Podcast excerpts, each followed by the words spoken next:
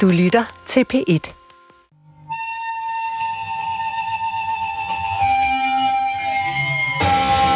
Jyllandsposten, 18. september 2005.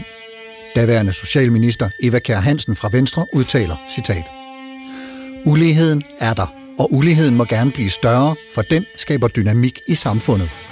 Vi skal ikke bruge kræfterne på at bekæmpe rigdom og på at udjævne forskellen mellem de rigeste og de fattigste. Lad de rige blive rigere. Jeg ser ikke ulighed som noget problem i sig selv.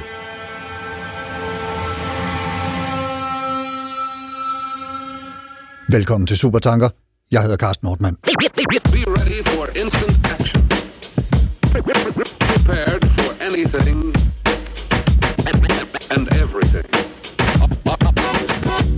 Der gik ikke lang tid, så havde både Socialministerens chef, daværende statsminister Anders Fogh Rasmussen og adskillige andre i Folketinget taget afstand fra udtalelsen, som Eva Kjær Hansen der også trak tilbage. Men synspunktet står i dag stadig som en form for credo for nogle mennesker, og faktum er, at uligheden i samfundet, og her taler vi altså både nationalt og internationalt, er steget og til fortsætter med at stige. De rige bliver rigere, og de fattige bliver flere, sådan for simpelt sagt. Og når vi taler om global ulighed, så kommer samtalen også ofte til at indbefatte kolonialisme, imperialisme, det globale nords udnyttelse af det globale syd, liberalisme og kapitalisme. For money makes the world go around, og det er formentlig også det, Eva Kjær Hansen og ligesindede tænker, når de taler om, at noget skal være værd at stræbe efter, for at få folk ud af starthullerne, sammen med en forventning om, at en pengeregn på præsten også drypper lidt på dejen. Men nogle af de mere omtalte tænkere de senere år, blandt andre økonomer som franske Thomas Piketty og serbisk-amerikanske Branko Milanovic, har adresseret uligheden som noget, vi skal forsøge at imødegå.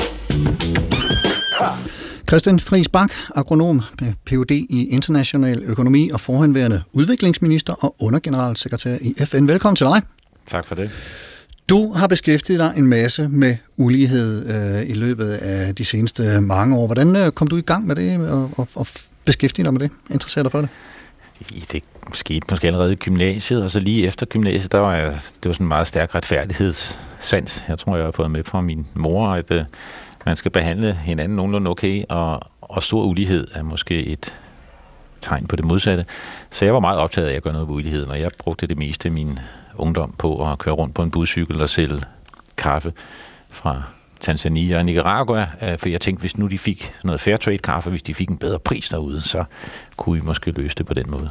Og, og, og hvorfor er det vigtigt for dig og, og presserende, at, øh, at vi andre, at vi alle sammen ligesom bliver opmærksomme på de her øh, lidt skævvridninger, som, som øh, vi gerne vil imødegå? Jamen, hvis man ser på de globale trusler, vi står overfor i dag, så har vi klimaforandringerne øh, som det ene, men uligheden øh, i verden, tror jeg, er en, er en lige så stor trussel mod stabilitet og sammenhængskraft i verden. Og vi så det jo i den meget store bølge, den største bølge af demonstrationer, verden nogensinde har set, lige før corona øh, brød ud. Øh, 40-50 lande i verden, hvor folk gik på gaden. Og når vi ser en demonstration, så tænker vi tit, øh, det har noget med øh, ytringsfrihed og demokrati at gøre, men i øh, Libanon gik de på gaden, fordi der kom en ny afgift på WhatsApp-beskeder. I Chile gik de på gaden, fordi der var en stigning i metrobilletter, og de franske øh, gule veste gik på gaden, fordi energipriserne steg. Og det var alt sammen protester mod ulighed. Øh, så alene af den grund er det vigtigt at beskæftige sig med uligheden. Men, men for mig i dag er det jo et rettighedsspørgsmål. Vi har skrevet under på nogle globale menneskerettigheder. Alle skal kunne komme i skole, og man skal kunne komme på hen til en læge, og man skal Øhm, øh, bekæmpe den værste fattigdom, og man skal kunne få mad og vand. Og, og, og så på den måde er det også for mig sådan meget praktisk rettigheds øhm, øh, øh, spørgsmål. Det har vi skrevet under på, så er det sådan set bare at komme i gang. Øh, så skal vi sørge for det, og det er der, vi i høj grad kan gøre noget ved uligheden ved at implementere menneskerettighederne. Men, men med hvilken slags modstand? Altså nu hører vi så om folk, der øh, ser sig nødt til at gå på gaden og demonstrere for at, at mindske uligheden og, og bedre øh, øh, ja, ligheden. Øh, og, og det tyder på, at der er noget modstand øh, imod nogle af de ting, som, som folk beder om at demonstrere øh, for. Hvad, hvad er det for en modstand?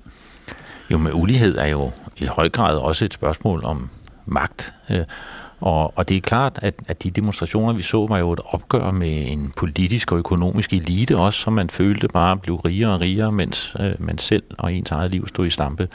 Øh, og det kan jo skabe meget kolossale forandringer af de her kræfter. Altså hvis man går tilbage til det arabiske forår, øh, Mohammed Bouazizi, den unge mand, som startede hele det arabiske forår i Tunesien ved at begå selvmord. Han gjorde det, fordi han ikke kunne tjene penge nok til sig selv og sin familie for den lille båd, han havde nede på et marked, øh, og han følte, at han aldrig kunne komme videre. Han kunne ikke få sin egen lejlighed og blive gift, fordi han ikke kunne få mad og brød øh, på bordet. Og, og øhm, så, så man skal bare se de her øh, kræfter jo selvfølgelig som også et, et, et, et, et opgør øh, imod øh, en mulighed, som ikke alene bliver større mål på en række parametre, men opleves langt større, fordi vi jo alle sammen kigger ind i de dyreste kahytter i krydstogsskibet. Vi følger Kardashian-familien, og vi ser, hvordan verdens multimilliardærer de nu engagerer sig i som rumturister for milliarder øh, af dollar. Så, så vi ikke bare oplever uligheden måske, men vi ser også uligheden langt øh, stærkere, end man gjorde tidligere, fordi vi er der på sociale medier og internet, og, og hvor alt uligheden den, den bliver oplevet. Bliver fremstillet, ja. Christian Olof Christiansen, lektor i idéhistorie på Aarhus Universitet og leder af forskningsprojektet An Intellectual History of Global Inequality 1960-2020. Velkommen til dig. Tak skal du have. Og jeg kan fortælle lytterne, at jeg er blevet enig med de to Christianer om at prøve at kalde dem Christiansen og Bak, sådan at øh, vi kan skille mellem, øh, hvem der er hvem, hvornår. Og, øh, øh, men Christiansen, hvornår kom du til, og hvordan kom du i gang med at forske i det her ulighedsbegreb? Mm, det, var, det var noget, øh, jeg fik en idé til øh, i forbindelse med et tidligere projekt, jeg arbejdede på, øh, som, øh, som handlede især om, om USA og amerikansk historie, amerikansk kapitalisme. Øh, haft nogle rejser også i USA og set øh, en stærk ulighed i USA. Øh, så på den ene side var det øh, kan man sige, en anledning til at tænke lidt videre, kunne man lave et projekt, der handlede om ulighed i et mere globalt perspektiv. Og for det andet tror jeg, at det er sådan lidt, øh, lidt i forlængelse måske af nogle af de ting, øh, Bak siger. Øh, ligger der nogle øh, erfaringer langt tilbage, og noget, man har set i medierne gennem mange år, hvor man øh, får forskellige inputs og begynder at tænke over, hvordan kan det være, at en lang række forskellige goder i den her verden, de er så øh, ulige fordelt mellem lande og mellem individer og mellem køn og mellem såkaldte raser osv. Så, videre. så jeg tror, det er sådan en, en blanding af, af den type erfaringer. Men nu, nu hørte vi Christian Friis Bak øh, fortælle om, hvorfor han synes, det er vigtigt, at, at vi øh, øger bevidstheden og opmærksomheden på, på øh, det her problem. Hvad, hvad, hvad tænker du øh, om den? Hvad, hvad, hvorfor er det vigtigt for dig, at, at vi øh, ja, bliver mere bevidste og, og har bedre kendskab til, hvad der er, der foregår? Der tror jeg egentlig, for mig handler det egentlig tit om at så at sige starte lidt på bunden. Øh, man starter for mig tit med at observere øh, nogen, der ikke har det godt. Øh, nogen, der ikke har det godt nok. Nogen, der ikke øh, har rettigheder. Nogen, der ikke har øh, mad. Nogen, der lever under dårlige forhold. Øhm, og så sidder man og tænker over, kan man ikke gøre et eller andet, som er bedre for dem? Og så bliver ulighed, kan man sige, en central del af den problemstilling, fordi man begynder at tænke over, jamen, øh, hov, måske har det noget at gøre med omfordeling, forskellige omfordelingssystemer. Øhm, jeg kunne også godt tænke mig ligesom at du ved, udfordre forestillinger om nogle gange, hvordan at vi, vi kan nemt som individer synes, at vi gør os selv meget fortjent til de ting, vi har. Men når man begynder at arbejde med, med ulighed i et globalt perspektiv, kan man godt sidde og tænke over, hvorfor er det, at, at en, der laver det præcis samme arbejde i Danmark, sammenlignet med en, der laver det samme arbejde i Indien, hvorfor har de vidt forskellige indkomster og muligheder for at rejse, adgang til sundhed osv. Så det er på en måde også et, øh, et problem, vi har, som jeg synes er super vigtigt, og som vi skal gøre noget ved. Og der er alle mulige aspekter af det, så lad os vende tilbage til dem, det kan vi sikkert gøre. Men også for lidt at ligesom afselvfølgeliggøre nogle af de forestillinger, ja. vi har om ulighed og lighed. Lige ganske kort, hvis du kan sige tre ord om, om øh, hvad skal man sige, karakteren af, af det her forskningsprojekt. Hvad, hvad, hvad er det for et, øh, et projekt, øh, I, I har kastet jer over, du og dine kolleger? Det er et idéhistorisk projekt, ja. så det handler om at forstå, hvordan man igennem tiden har tænkt om noget. I det her tilfælde ulighed, og især global ulighed. Og for det andet, så er det et komparativt projekt, så vi sammenligner forskellige lande, vi er fire øh, deltagere i projektet. Vi har hver vores land, øh, Indien, Ghana, øh, USA og Argentina, øh, og forsøgt at finde ud af, hvordan har man i de her forskellige lande øh, udviklingsøkonomer, filosofer, historikere, sociologer, hvordan har forskellige andre vigtige intellektuelle ligesom tænkt om ulighed, global ulighed hen over tid. Og hvad er det for nogle forbindelser, der er mellem landene. Hvad er det for nogle... Øh, hvad er det for nogle infrastrukturer? hvad er det for nogle infrastrukturer? Hvor- Hvornår vandrer nogle af idéerne om ulighed fra det ene land til det andet og kommer tilbage igen? Hvordan bliver de så modtaget? Hmm.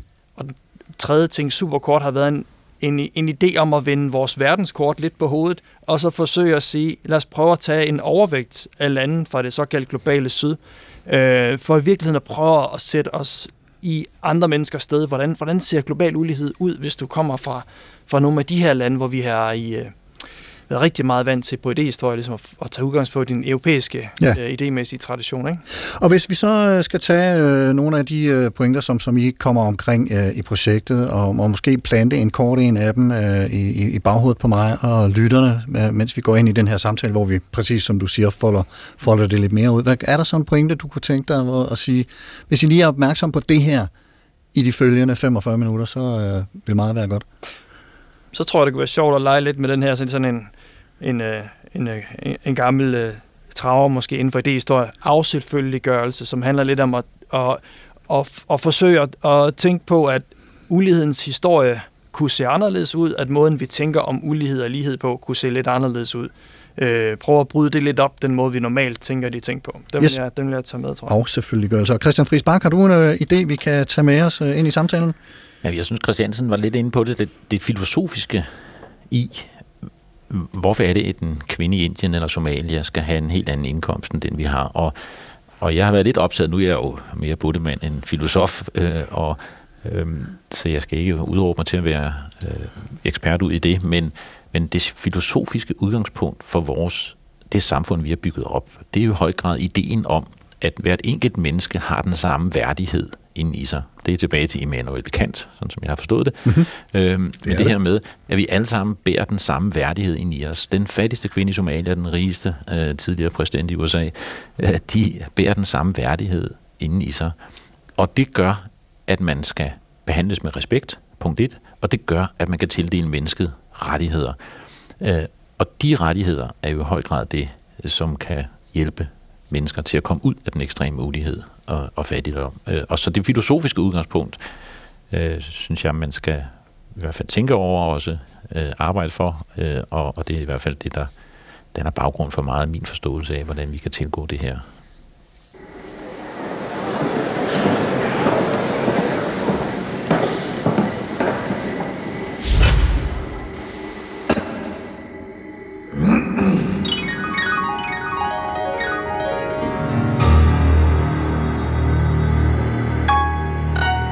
Sidst på efteråret i 1984 kulminerede BBC-reporter Michael Burks serie om hungersnøden i Etiopien med, at Burke kaldte det en bibelsk hungersnød i det 20. århundrede. Det tætteste man kommer på helvede på jord. Sangeren Bob Geldof fra orkestret The Boomtown Rats og hans kone tv-verden Paula Yates så programmerne og var dybt påvirket af dem. Så påvirket, at de var nødt til at gøre noget. Gennem en række mere eller mindre tilfældige sammenfald endte Bob Geldof sammen med sin gamle ven Mitch Ure fra orkestret Ultravox, og de to skrev en sang, som de håbede, de kunne udgive inden jul som støtteplade til de hungrende etioper.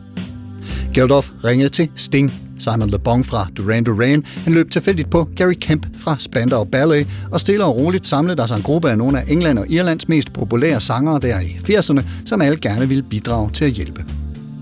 Sangen blev indspillet på en dag, den 25. november 1984, og nogle af de sangere, som ikke havde mulighed for at deltage, sendte audiohilsner, som blev lagt på vinylsinglens B-side. Det galt blandt andre David Bowie og Paul McCartney.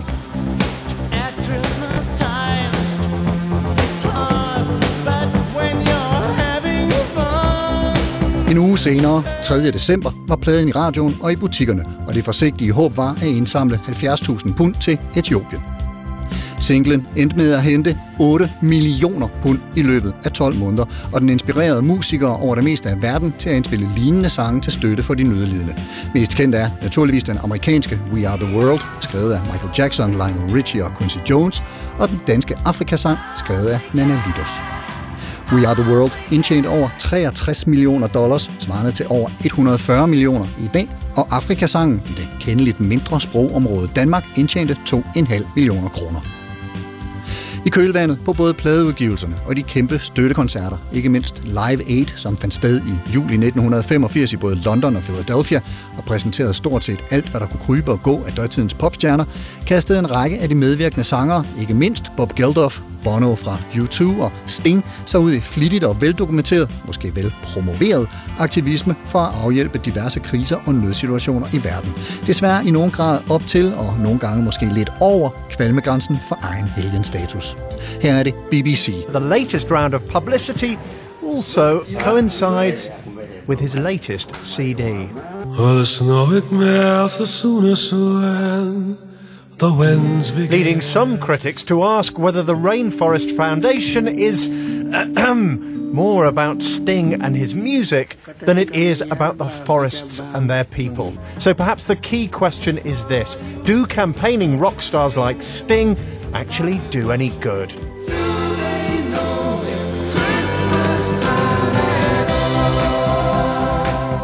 Geldof og Yours oprindelige Do They Know It's Christmas er i øvrigt blevet genindspillet tre gange i henholdsvis 1989, 2004 og 2014.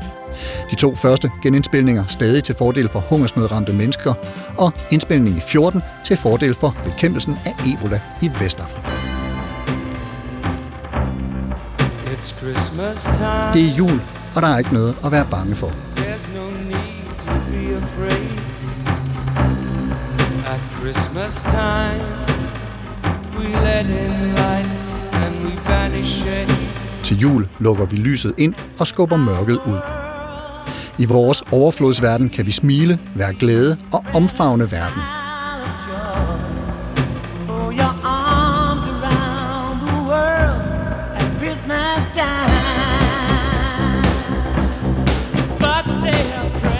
Men bed en bøn for alle de andre.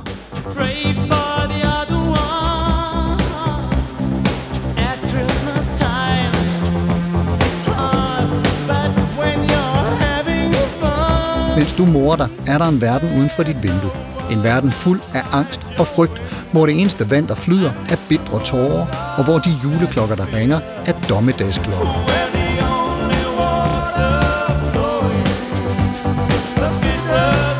Brødfød verden, og lad dem vide, at det er jul igen.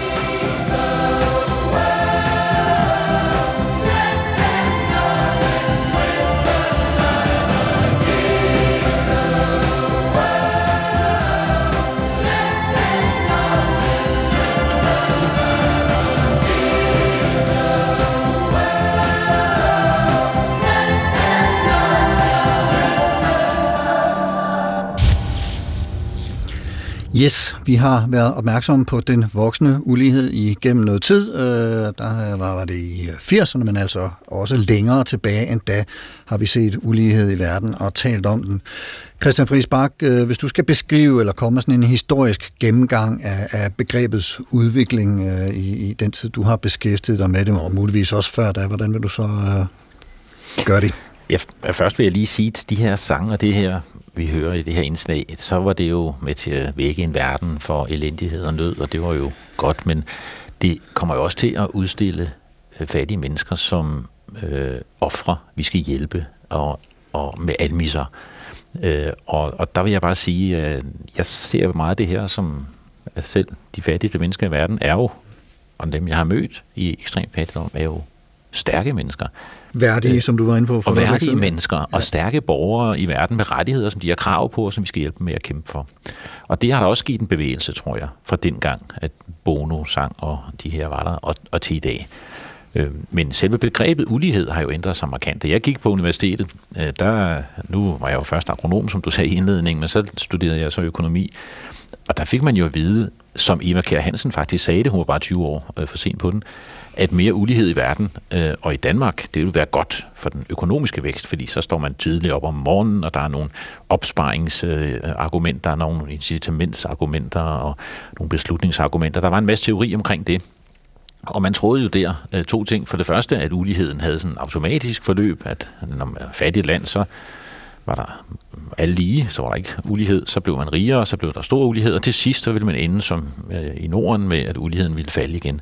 Og det andet, man troede, var, at ulighed som sagt kunne være godt for økonomisk vækst. Og i dag tror man jo på begge de to punkter præcis det modsatte.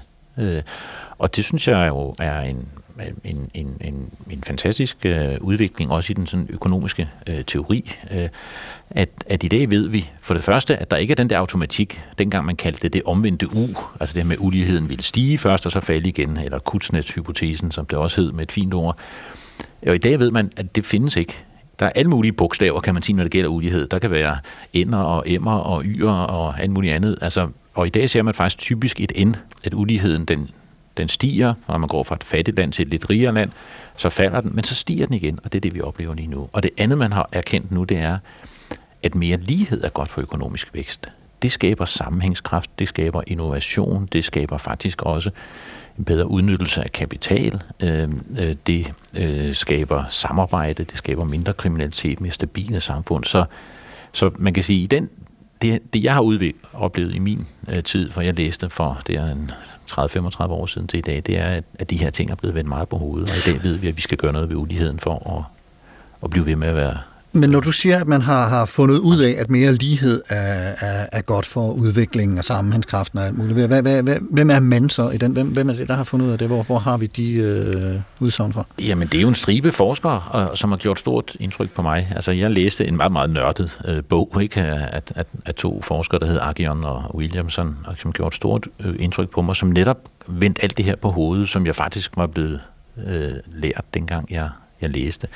Øhm, og, og, og, og, og, og, og de sagde netop det her med, der er ingen automatik i, at uligheden først stiger, og så falder den igen, og så bliver vi alle mere lige og, og, og glade.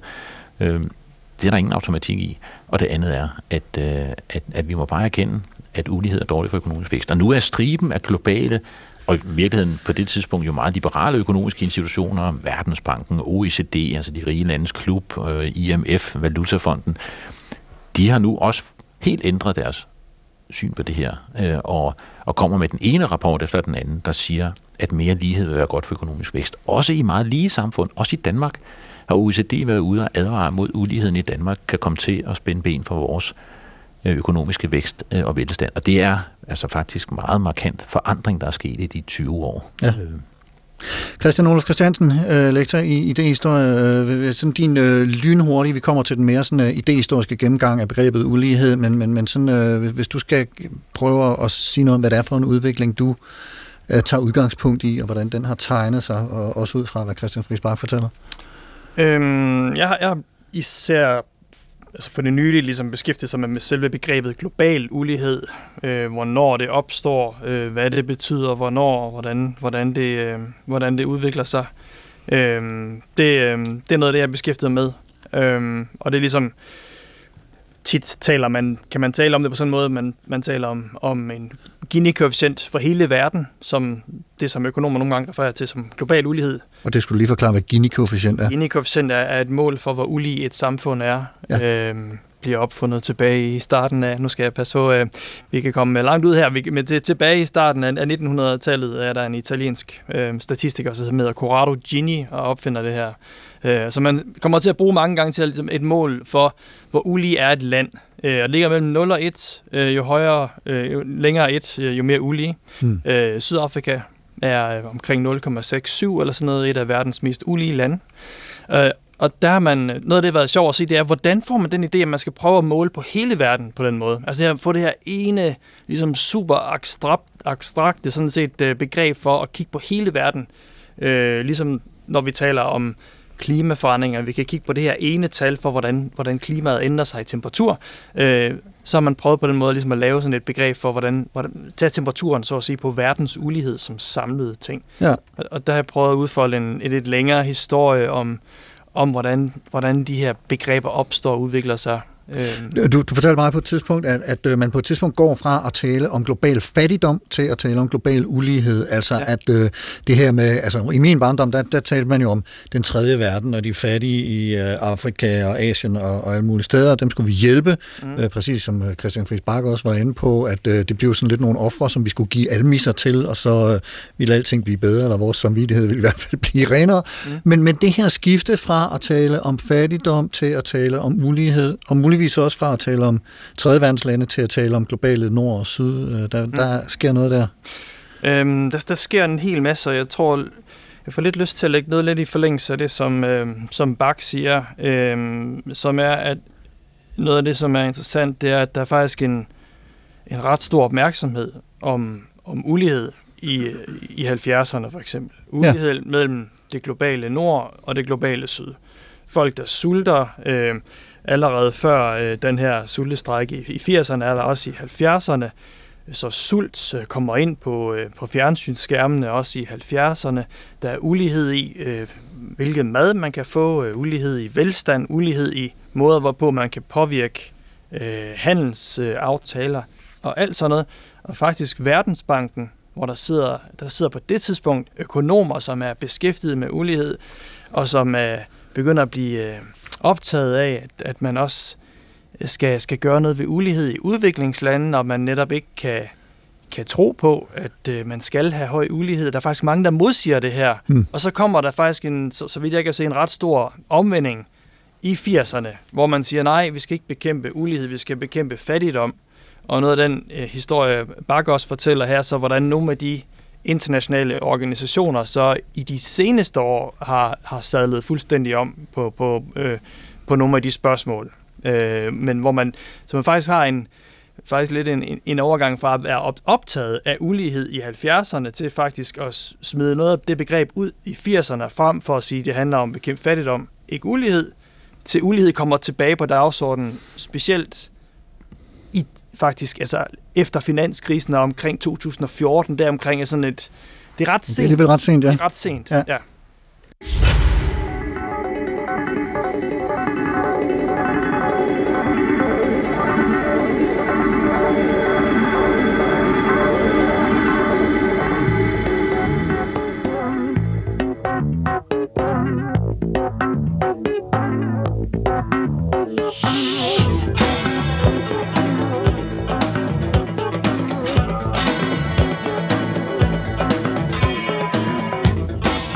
Verdens rigestes formuer er steget mere under covid-pandemien end i de seneste 15 år. Sådan lød det fra organisationen Oxfam IBIS i august 2021. Altså fra marts 20 til august 21 steg deres formuer med 35 milliarder kroner. Mere end hvad deres formuer steg med i hele perioden 2006 til 2020. Amazons stifter Jeff Bezos' formue steg med lige under 80 milliarder dollars under pandemien. Han kunne med de penge have, og jeg citerer, betalt for, at alle i verden blev vaccineret mod covid-19, men i stedet vil han hellere brænde sine milliarder af på en tur i rummet. Citat slut. Christian Weisse, som er generalsekretær i Oxfam Ibis. Otte personer ejer det samme som den fattigste halvdel af verdens befolkning.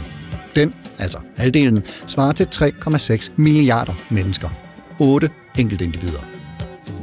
Sådan lød meldingen i 2018, lavet ud fra tal leveret af blandt andet det amerikanske erhvervsmagasin Forbes, som især er kendt for sine årlige lister over blandt andet verdens rigeste mennesker, Forbes 500, og data fra Credit Suisse, som er en af verdens absolut største og vigtigste banker, og en bank, som angiveligt har afgørende betydning for verdens finansielle stabilitet.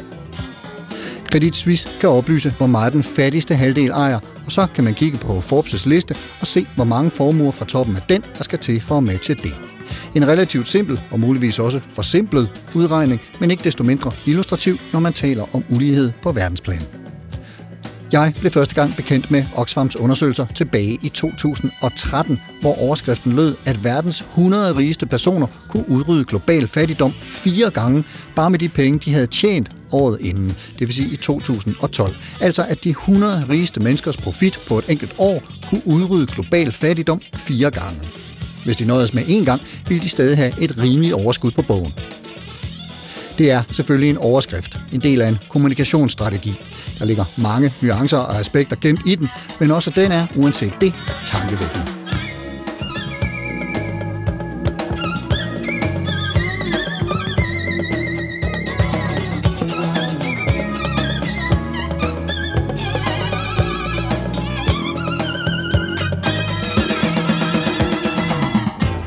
Og de ræser afsted i toppen. Ikke bare mod rummet, men også deres formuer.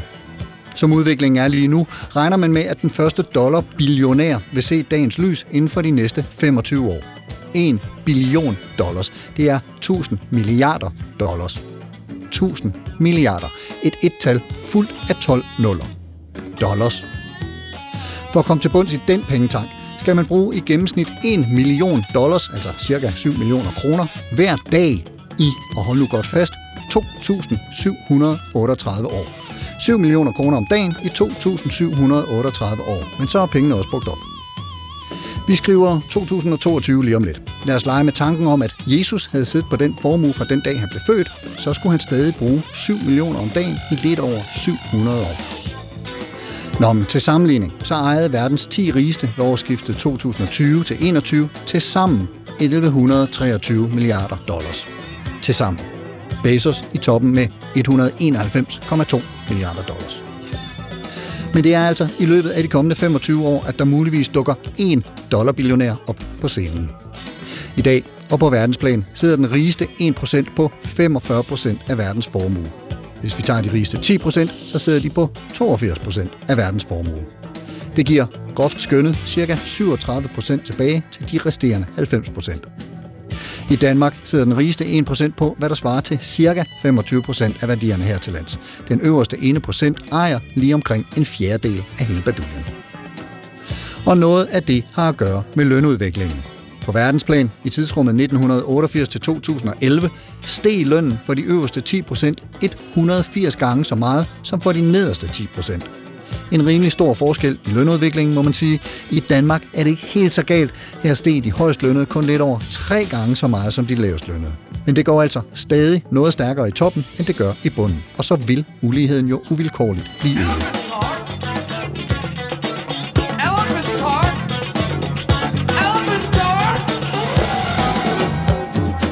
I 2012 viste den serbisk-amerikanske økonom Branko Milanovic os den såkaldte elefantgraf, som sidenhen er blevet kaldt den mest indflydelsesrige graf det seneste årti.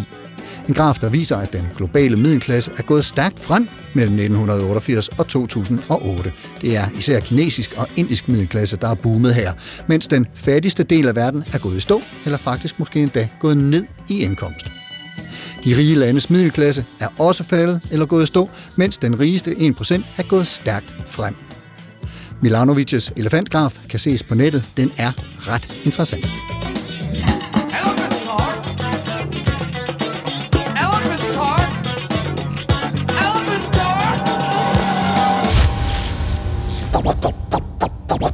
Would you mind saying that again? Den globale ulighed vokser. Det er ifølge den ene Christian i dagens supertanker et problem, der er lige så alvorligt som klimakrisen, og det er alvorligt. Så hvis de vejer lige tungt, så skal vi se at have gjort noget ved det, uligheden, og det i en ruf. Men før vi kan kaste os over afskaffelsen af ulighed eller udligningen af den, så er det nok meget godt med en begrebsafklaring af, hvad global ulighed overhovedet er. Og Christian Friis Bak, det er dig, der sammenligner med øh, klimakrisen. Vil du ikke prøve at lægge for med din definition af, hvad ulighed er? Jo indkomstulighed, der er øh, formueulighed, øh, kan man sige. Øh, hvor mange penge har man, hvor mange penge tjener man. Det er forskellige former for ulighed. Øh, øh, der er nogen taler om øh, øh, hvad hedder sådan noget, mulighedsulighed.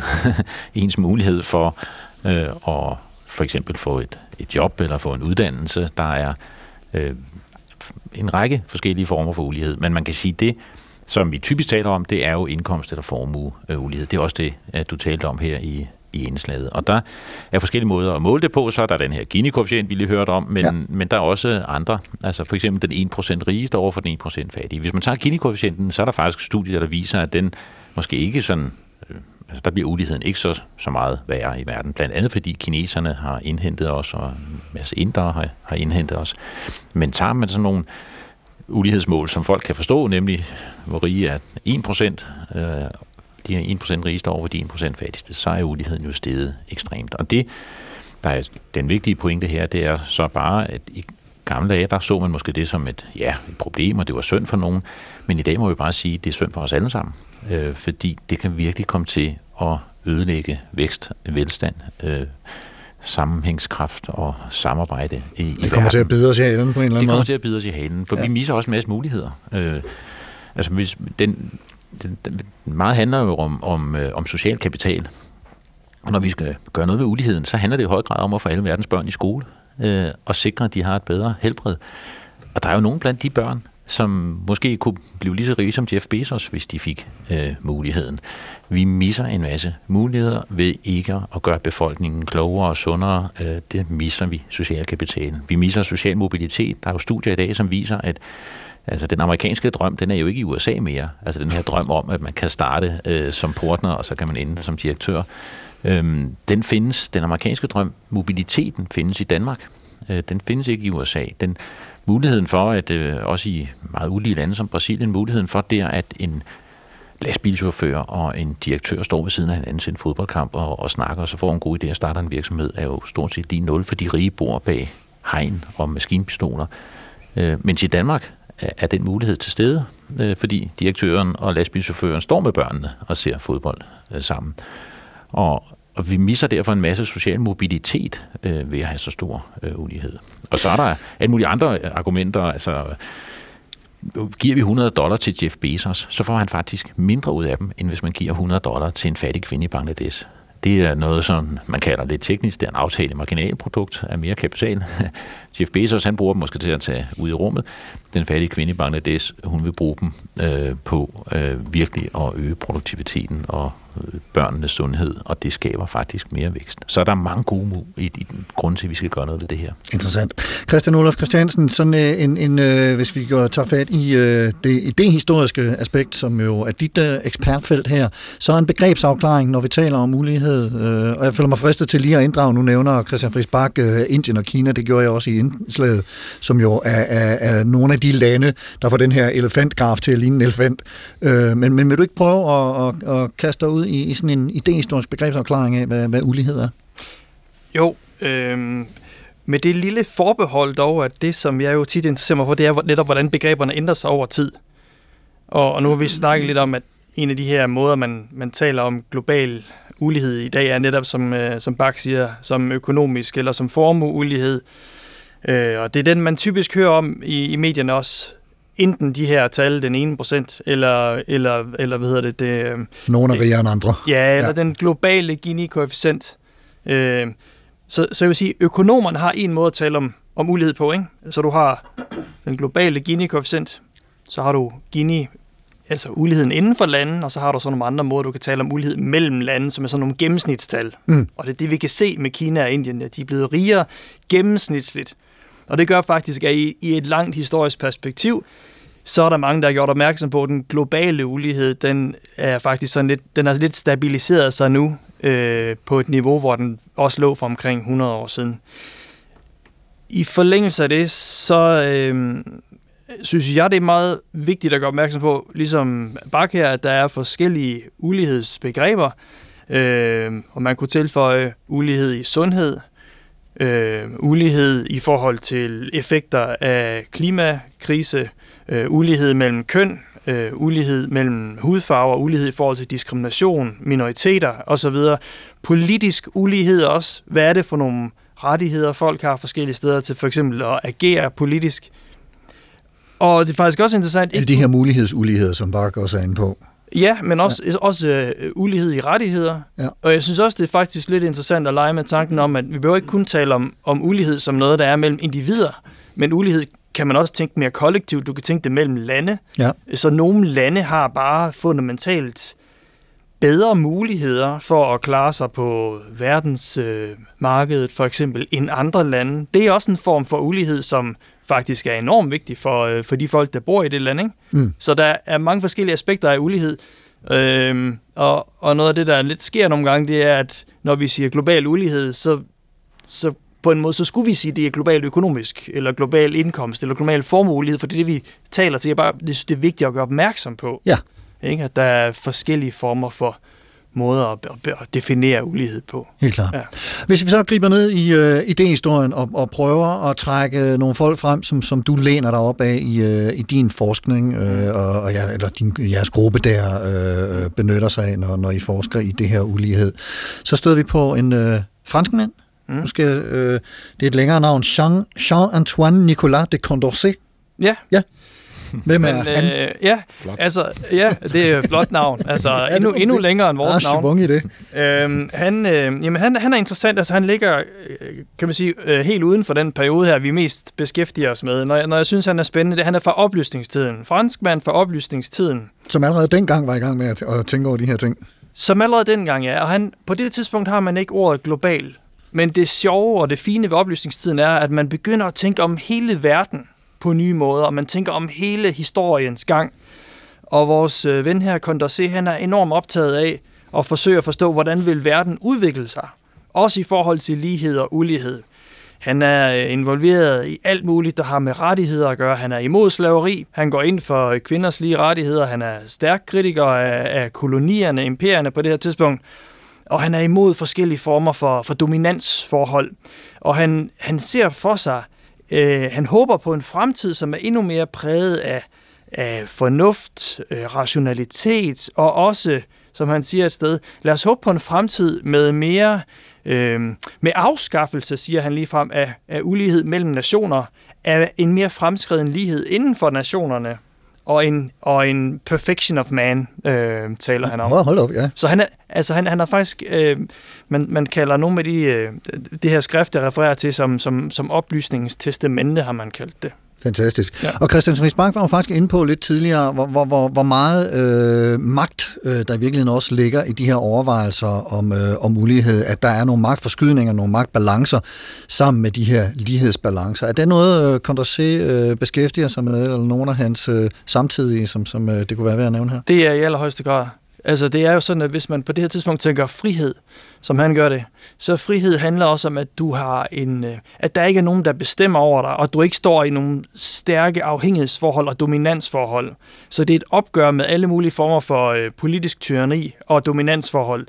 Slaveri er det altså selvfølgelig det, det mest markante eksempel, du kan finde, men også i relation mellem øh, koloni og center, eller i relation mellem højere øh, samfundslag og de lavere samfundslag, som ikke har mulighed for mobilitet, eller som skal arbejde for føden på en bestemt måde.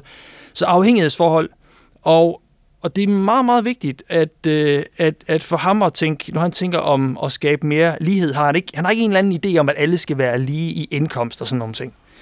Men folk skal have øh, lige rettigheder og uddannelse og forskellige ting, og det siger han tilbage her i, i 17, øh, 1794. Ham kan jeg. Øhm, og, øh, ja, og, øhm, og det er meget vigtigt det her med det politiske aspekt, synes jeg. Øh, for, jeg for jeg synes, når man, hvis man tager kondenserer, man ligesom kigger frem i historien, så når nogle af diskussionerne, og når man første gang, nu nørder vi lidt her, når man første gang bruger begrebet global ulighed i 70'erne, så er det rigtig meget politisk ulighed. Så det er faktisk øh, handler blandt andet om nationernes mulighed for for eksempel at kunne sælge deres øh, varer på et marked, eller at kunne, at kunne eje, øh, for eksempel tage ejerskab over virksomheder, få skubbet amerikanske virksomheder lidt ud, så man selv kan få, få pengene øh, ud og sådan noget. Øhm, så han, han er sådan lidt et sjov, øh, interessant at kigge tilbage på. Og det, og det andet, der er mega interessant, det er, at øh, altså jeg er også lidt, jeg er lidt vild med en, øh, jeg er glad for en, en sociolog, der hedder Terborn, som også taler om forskellige typer ulighed. Øh, så hvis vi nu kigger tilbage på ham, så kan vi både se, men hvad der egentlig er sket med den økonomiske ulighed, men også hvad der er sket med det, Terborn kalder eksistentiel ulighed, altså hvordan bliver vi anerkendt som individer. Øh, så han er sådan på den måde et super interessant øh, prisme at kigge tilbage på. Vi, vi, vi er tilbage ved øh, værdighedstanken, Christian Friis Bak. Øh, Tænk, tænker du noget ind i den her, med, ud fra det, Jamen, jeg skal da have læst noget af ham der Condorcet. Ham kendte jeg faktisk ikke. Jeg er jo som sagt ikke så filosofisk og historisk bevandret, men, men, men, men den der idé om, at, at rettigheder som det drivende i vores opgør med, med uligheden, synes jeg jo er, er det helt centrale. Øh, det er nemlig ikke, som vi har talt lidt om, altså alle misser, eller det er synd for nogen, men, men, men det er faktisk, vi har jo fundet på de her menneskerettigheder i høj grad efter 2. verdenskrig, fordi at vi tror på, at de kan være med til at skabe en bedre verden, sådan samlet, og vi har skrevet under på dem, fordi vi tror på, at alle mennesker har den her værdighed inde i sig, øh, og derfor skal de behandles med respekt. Og så er den for mig ikke så meget længere. Mm. Så behøver man ikke gøre det mere indviklet. Og så har der jo været de her øh, store bølger af opgør øh, med uligheden, som du øh, øh, fortæller om. Ikke? Jeg var meget optaget af det der med ny økonomisk verdensorden, du siger tilbage i 70'erne, ikke? Øh, med at, at, at man skulle skabe mere lighed i verden gennem øh, råvarepriser, øh, som var uretfærdige. Og og nogle af de her sådan finansielle strukturer. Øh, og det er jo stadigvæk øh, meget afgørende. Øh, og, og der ændrer verden sig også meget lige nu. Altså da jeg sad som minister i regeringen, der skrev jeg en kronik om, at ulighed øh, var dårlig for den økonomiske vækst. Øh, der fik jeg faktisk skæld ud. Øh, Nå. øh, lidt af mine, øh, nogle af de centrale øh, topfolk i regeringen, jeg skal ikke nævne navne, øh, fordi man sagde, at hvis du bliver ved med at sige, at ulighed det er dårligt, så kommer enhedslisten bare rendende med Gini-koefficienten hver gang, vi skal forhandle. og, og, og, og, altså allerede, og, det, og der snakker vi jo under 10 år siden, der, der kunne man ikke tale om det her på den måde. Og nu ser vi jo, altså vi har lige en, et globalt forslag om en mindste skat, øh, minimumskat for, for virksomheder. Øh, man har øh, skatteunddragelse og skatteliv og alt det her, et massivt opgør med det. Det er jo i høj grad en kamp for mere lighed, øh, der ligger her. Øh, og, øh, og, og, og, og dengang øh, jeg var med til at starte det, der hedder Attack-bevægelsen, det blev ikke en stor succes, fordi det blev måske gjort til en politisk bevægelse i stedet for en, en lighedsbevægelse. Men Attack-bevægelsen øh, stod jo for den her Tobin-skat med, at vi skulle have en skat på finansielle transaktioner, fordi det, der bliver skabt af vel, velstand og formuer ved at spekulere på de globale finansmarkeder, kunne være ekstremt. Øh, så lad os da ligge en lille skat der og bruge det til at få børn i skole og, og, og sikre rettigheder for fattige mennesker. Så, men, men det kommer nu. Altså, det er interessant at se, synes jeg, hvordan øh, netop, at vi så, som sagt, i, tilbage i 90'erne, helt frem til Eva Kærs udtalelse i 2005, øh, at man troede, at ulighed var godt for økonomisk vækst. I dag tror vi det modsatte, og nu kommer de politiske initiativer lige så langsomt, der skal gøre noget ved den globale ulighed. ティップティップティップティップティップ。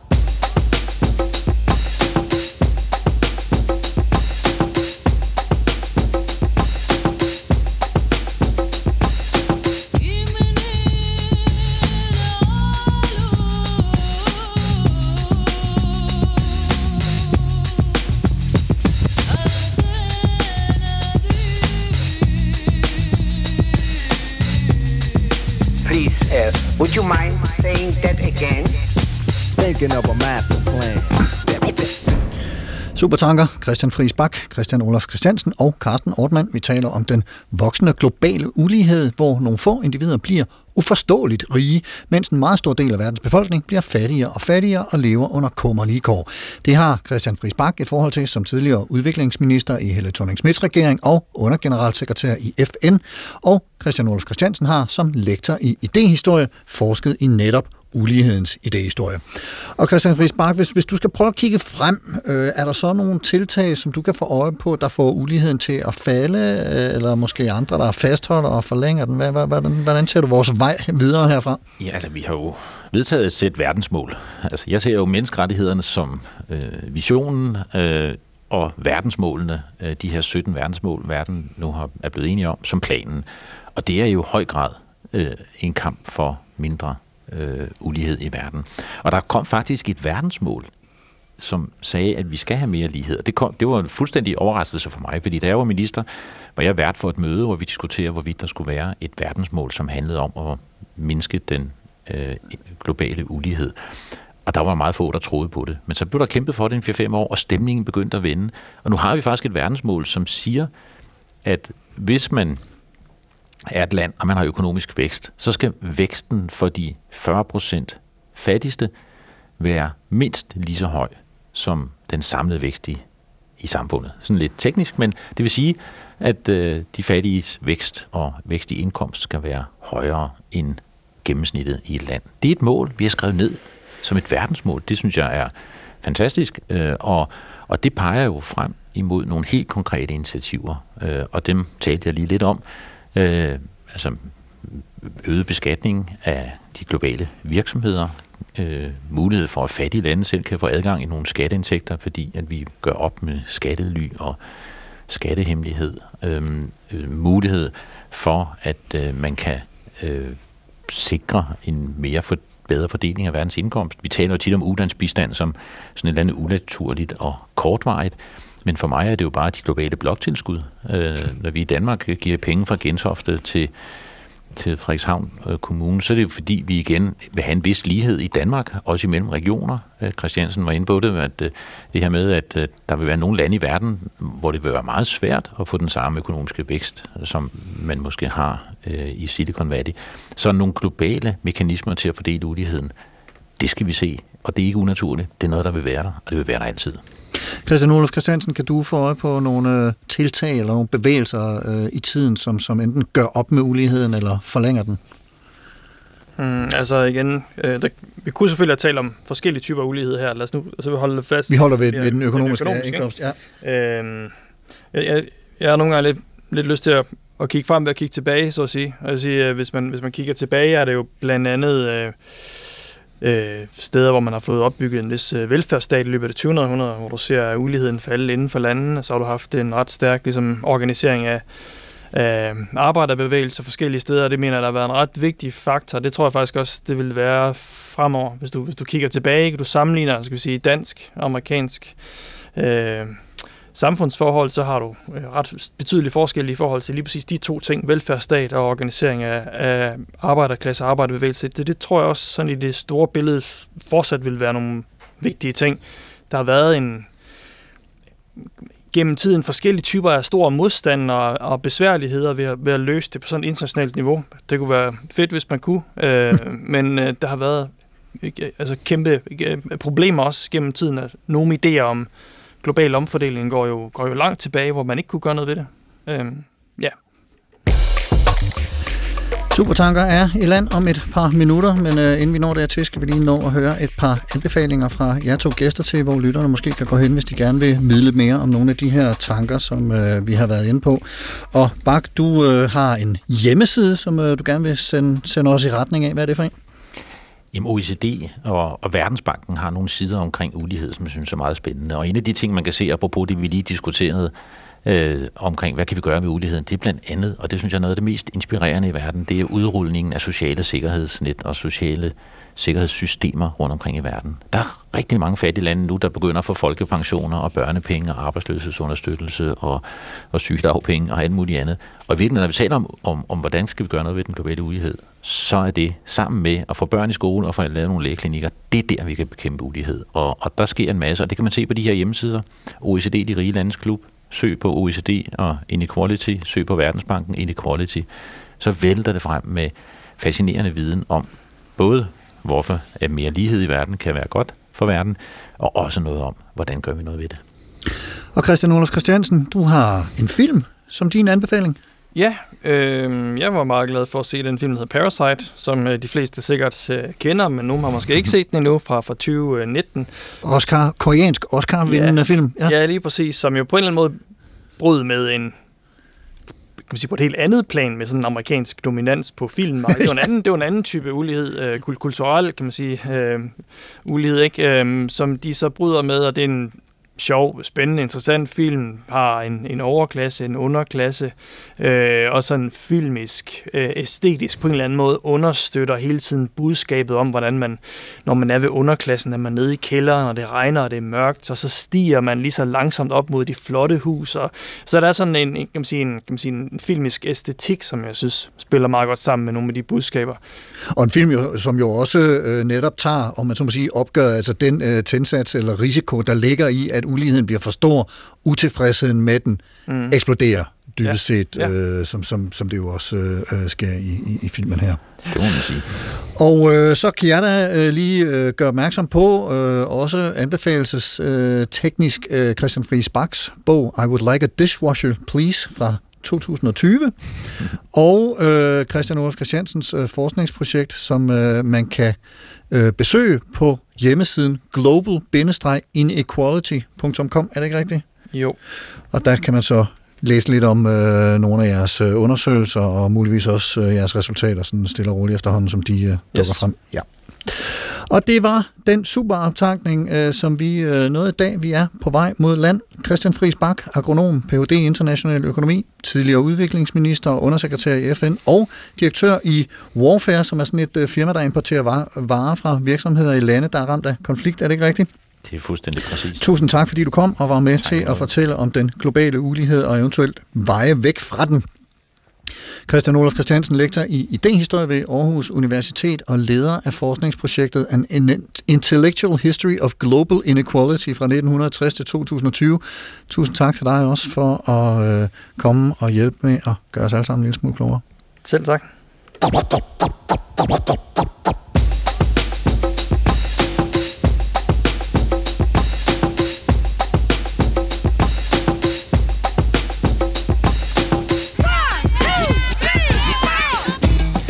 Og som altid, naturligvis mange, mange tak til dig, kære lytter, for at lytte med. Hvis du kan lide det, du hører, så del det med dine venner, rige såvel som fattige. Man kan høre og genhøre denne her udsendelse i appen DR Lyd og på dr.dk-supertanker. Og hvis du har ris, ros eller idéer til programmet eller andet, du gerne vil kommunikere til mig, så skriv en mail til supertanker eller gå ind på Facebook-siden Carsten Ortmann Radio og kommenter der. Der lægger jeg også gæsternes anbefalinger og lidt links og en musikplayliste.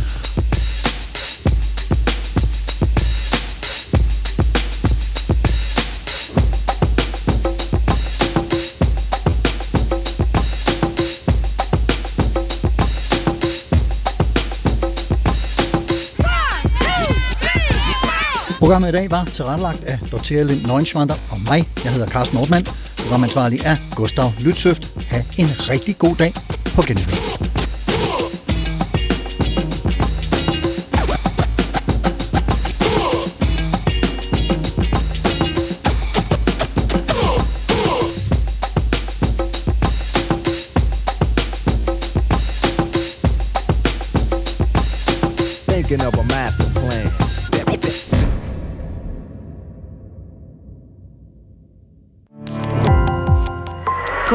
Opdagelse i alle DR's podcast og radioprogrammer. I appen DR Lyd.